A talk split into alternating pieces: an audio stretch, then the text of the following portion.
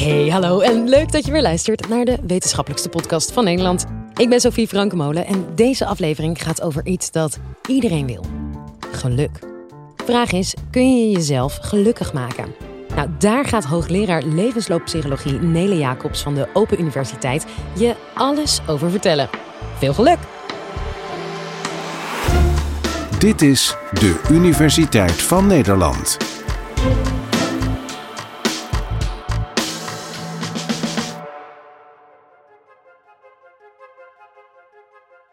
Maak je jezelf gelukkig? Lijkt me een heel intrigerende vraag waar we allemaal wel een stukje van het antwoord op willen weten, toch? En de laatste jaren is er heel veel onderzoek gebeurd naar de rol van positieve emoties in ons leven. En een van de bekendste onderzoekers op dit gebied is Barbara Fredrickson. Zij is eigenlijk de grondlegger van het Broden en Build model. Dat model stelt dat positieve emoties, zoals kalmte, voldoening, geluk, dat deze emoties bijdragen aan ons welbevinden. En deze theorie is ondertussen ook al door andere onderzoekers bevestigd geworden. En waarom dragen positieve emoties nu bij aan ons welbevinden? Opgewektheid en blijdschap, daarvan weten we dat ze een belangrijke rol spelen bij het aangaan en behouden van sociale relaties. Als je opgewekt bent en goed in je vel zit, ben je ook bereid om te investeren in nieuwe relaties en ook in bestaande relaties. En dat is heel belangrijk, want juist die relaties zijn een bron van sociale steun wanneer je met verdriet en tegenslag te maken hebt. Onderzoek naar die positieve emoties laat zien dat als je positieve emoties ervaart, je ook veerkrachtiger bent om met droevige gebeurtenissen om te gaan. En als we dat weten, dan is de volgende vraag van ja, hoe kunnen we een kijk krijgen op onze positieve emoties? Hoe kunnen we die in kaart brengen? Hoe kunnen we die meten? Wij gebruiken de experience sampling methode. Dat is een hele mooie methode om onderzoek te doen naar emoties en gedrag en context in het dagelijks leven. En wat ook fijn is, dat er sinds kort ook uh, smartphones uh, of uh, smartphone-applicaties beschikbaar zijn die gebruik maken van deze methodologie. Dus dat betekent dat het nog makkelijker is om in het dagelijks leven onderzoek te doen. Hoe moet je je zo'n onderzoek voorstellen? Als eerste stap, je downloadt zo'n smartphone-applicatie en die gaat vanzelf starten. En wat gaat die doen? Die gaat op een aantal willekeurige momenten een signaaltje geven. En op dat moment verschijnt er een korte vragenlijst op je smartphone. En die vragen gaan onder andere naar wat je aan het doen bent, waar je bent en met wie je bent. Allemaal een inventarisatie van alle mogelijke factoren die op dat moment aanwezig zijn. Dus beeld je in, telkens als die app een signaal heeft, en dat is een paar keer per dag, gedurende een aantal opeenvolgende dagen, beantwoord je vragen. Bijvoorbeeld de vraag, hoe blij voel je je op dit moment? Waarbij je jezelf een score kan geven van 1 tot en met 7. Ook wordt gevraagd naar wat je aan het doen bent. En dat is de meting van het gedrag op dat moment. Wordt ook gevraagd of je alleen bent of in gezelschap. En met al deze gegevens krijgen we echt een heel mooie, unieke inkijk in hoe jij je voelt in je dagelijks leven en wat die positieve emoties precies doen. Wat kunnen we dan concreet met deze, met deze data, met al deze gegevens? Nou, als eerste, wat ik al net zei, geven ze een heel gedetailleerd inzicht in die momenten waarop jij je blij en goed voelde. En laat het precies ook zien in welke contexten dat dat plaatsvond. En we weten uit wetenschappelijke studies dat wanneer mensen feedback krijgen ten aanzien van hun eigen emoties en nog meer ten aanzien van de contexten waarin dat die emoties voorkwamen, dat zij dat gaan gebruiken. Zij gaan daarvan leren. En zij gaan eigenlijk nadien nog meer die contexten opzoeken die voor hen gepaard gaat met positieve emoties. Dus het is eigenlijk een hele simpele, eenvoudige manier om zelf te leren om die positieve emoties te genereren. Dus dat is al één mooi voordeel van, uh, van onderzoek naar positieve emoties met deze methode. Dus dat was één methode, één manier om te leren. Maar we weten ook bijvoorbeeld uit ander onderzoek dat het ervaren van dankbare gevoelens gepaard gaat met positieve emoties. En wat kunnen we daar nu mee in ons dagelijks leven? Wel, bevindingen van zo'n studie suggereren dat dankbaarheidsinterventies in het dagelijks leven wellicht een goede manier kan zijn om die positieve emoties te genereren. En dat kunnen vrij makkelijke kleine interventies zijn, kleine oefeningen die je kunt uitvoeren. Bijvoorbeeld zoals deze.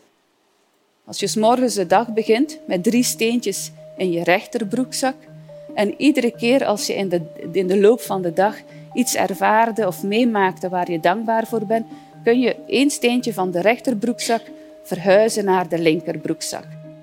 En op het moment dat je die beweging maakt, sta je dus als het ware stil bij het gegeven dat je ergens dankbaar voor bent. En we weten dat als je dat ervaart, dat je het volgende moment meer positieve emoties gaat ervaren. En dat mechanisme gaat op het langere termijn ervoor zorgen dat je ook meer welbevinden gaat rapporteren. Dus dat is één voorbeeld van een studie, van een wetenschappelijke bevinding die toegepast kan worden in de praktijk. Nu, een andere studie die wij ook op, uh, op de afdeling uh, uitvoeren, is een studie bij Nederlandse huisdierbezitters. Uit deze studie blijkt dat de aanwezigheid van een huisdier echt goed is voor je positieve emoties. Je hoeft in principe nog niet veel te doen met dat huisdier. Gewoon dienstaanwezigheid in de kamer is voldoende om die positieve emoties te, te voelen. Want huisdierbezitters gaven aan dat op het moment dat het huisdier aanwezig is, ze zich lekkerder voelen, zich beter in hun vel voelen. Nu, uit die studie bleek dat ook de aanwezigheid van de partner ook goed is voor die positieve emoties. En misschien ook nog best te beter en gelukkiger bleek dat het effect van de partner op je positieve emoties toch ook nog groter is dan het effect van het huisdier op je positieve emoties. Gelukkig maar. Dat geeft aan, deze studie was een mooi voorbeeld om te laten zien hoe de context van invloed is op je positieve emoties. Maar ook je eigen gedrag is van invloed op je positieve emoties. Zo hebben we een studie gedaan naar de effecten van fysieke beweging. En dan moet je denken aan, uh, aan kleine fysieke inspanningen, zoals bijvoorbeeld het nemen van een trap of met de fiets de boodschappen doen. Dus we hebben het over zulke kleine fysieke inspanningen in de loop van de dag. En onderzoek liet zien dat zulke inspanning ook gepaard gaat met meer positieve emoties. En wat hier nu het fijne aan was, was dat die positieve emoties best wel lang bleven duren. Die duurden tot drie uur na die fysieke inspanning. Dus tot drie uur na die inspanning rapporteerden mensen zich kalmer te voelen, zich opgewekter te voelen en zelfs meer gevoelens van, uh, van geluk te ervaren. En ja, als wetenschapper probeer ik zelf ook gebruik te maken van, uh, van onze bevindingen. Dus mij, als, als ik mij goed wil voelen, dan kun je mij in het Vlaamse heuvelland uh, op mijn koersfiets uh, terugvinden. Het is een beetje mijn manier om positieve emoties te genereren. Nu, kan ik die strategie nog optimaliseren? Ja, dat kan ik. Ik weet ook uit onderzoek dat als ik dat zou doen in gezelschap van iemand, dat mijn positieve emoties nog sterker aanwezig zouden zijn. Dus actief bewegen in het gezelschap van iemand anders is ook heel goed voor je positieve emoties. Er waren een aantal voorbeelden van studies die laten zien hoe je die positieve emoties kunt bevorderen in het dagelijks leven. En in dit college hebben we wat ingezoomd op de rol van positieve emoties. En we zagen dat ze rechtstreeks bijdragen aan ons welbevinden, maar dat ze ook bijdragen aan ons welbevinden via een indirecte weg, namelijk door die negatieve emoties te compenseren. Dus het is van belang om op zoek te gaan in ons dagelijks leven naar die positieve emoties. En dat is eigenlijk ook wat ik hoop dat jullie meenemen uit, uit mijn verhaal.